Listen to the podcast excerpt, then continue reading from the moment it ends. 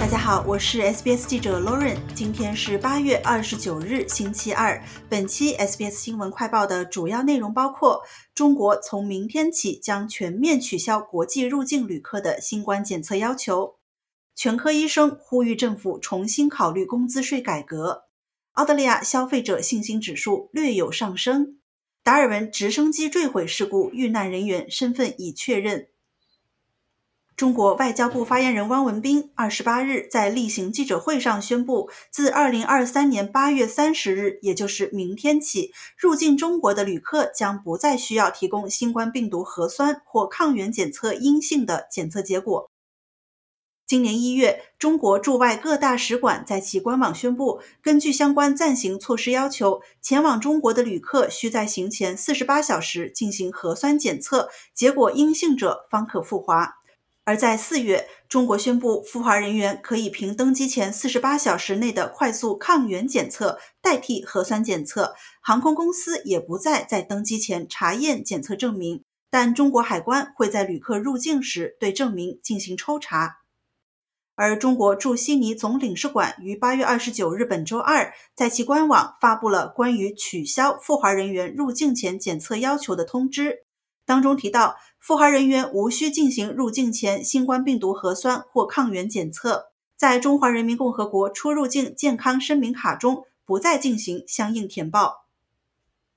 本月早些时候，新州和维州税务部门发布规定，在医疗中心工作的独立全科医生的收入如果超过一定门槛，将分别需要缴纳百分之五点四五和百分之四点八五的工资税。诊所为其员工，例如实习医生、接待人员、护士和雇佣医生缴纳工资税，但整个行业普遍认为，独立全科医生不需要缴纳工资税。这是因为大多数的全科医生不是雇员，他们通常根据独立协议工作。而在税务新规发布后，医生们估计这一新规定可能导致患者每次看病需要多付二十澳元。一些全科医生还担心诊所会被迫关闭，因为新的规定会往前追溯五年的税单，并要求医生补缴税款。新州政府随后于八月二十四日宣布暂停对全科医生工资税的审计十二个月，以保护陷入困境的诊所。根据澳大利亚皇家全科医师协会的数据，新州全州只有百分之三的诊所有足够的资金来缴纳欠税。该协会主席希金斯博士表示，需要采取更多的措施来保护维州的全科医生，因为税收政策的转变可能对医生和患者都产生灾难性的影响。We've got a federal government who wants to reform. 我们的联邦政府希望改革全科医疗，确保行业得到适当的资金支持。然而，我们的州政府却只关注税务收入。这是一种虚假的经济，不仅会使患者付出更多的费用，还会增加医院的等待时间，增加急救患者等待的时间，使人们获得医疗保健变得更加的困难。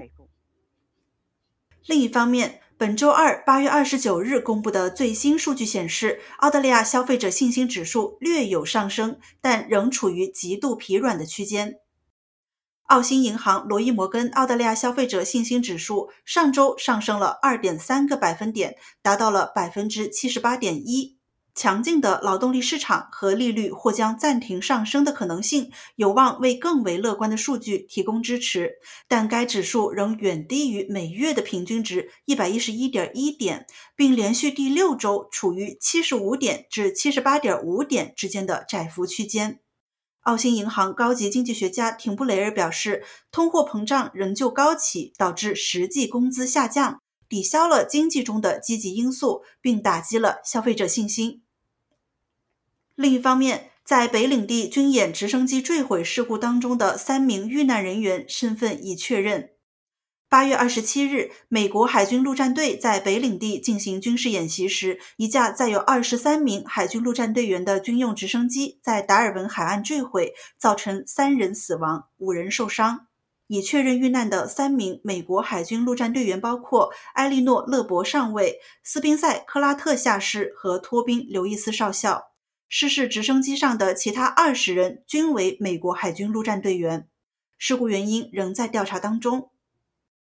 感谢收听本期的 SBS 新闻快报，在任何的播客平台搜索 SBS 普通话，点击订阅，开启消息提醒，即可了解澳洲国内外新闻以及社区资讯。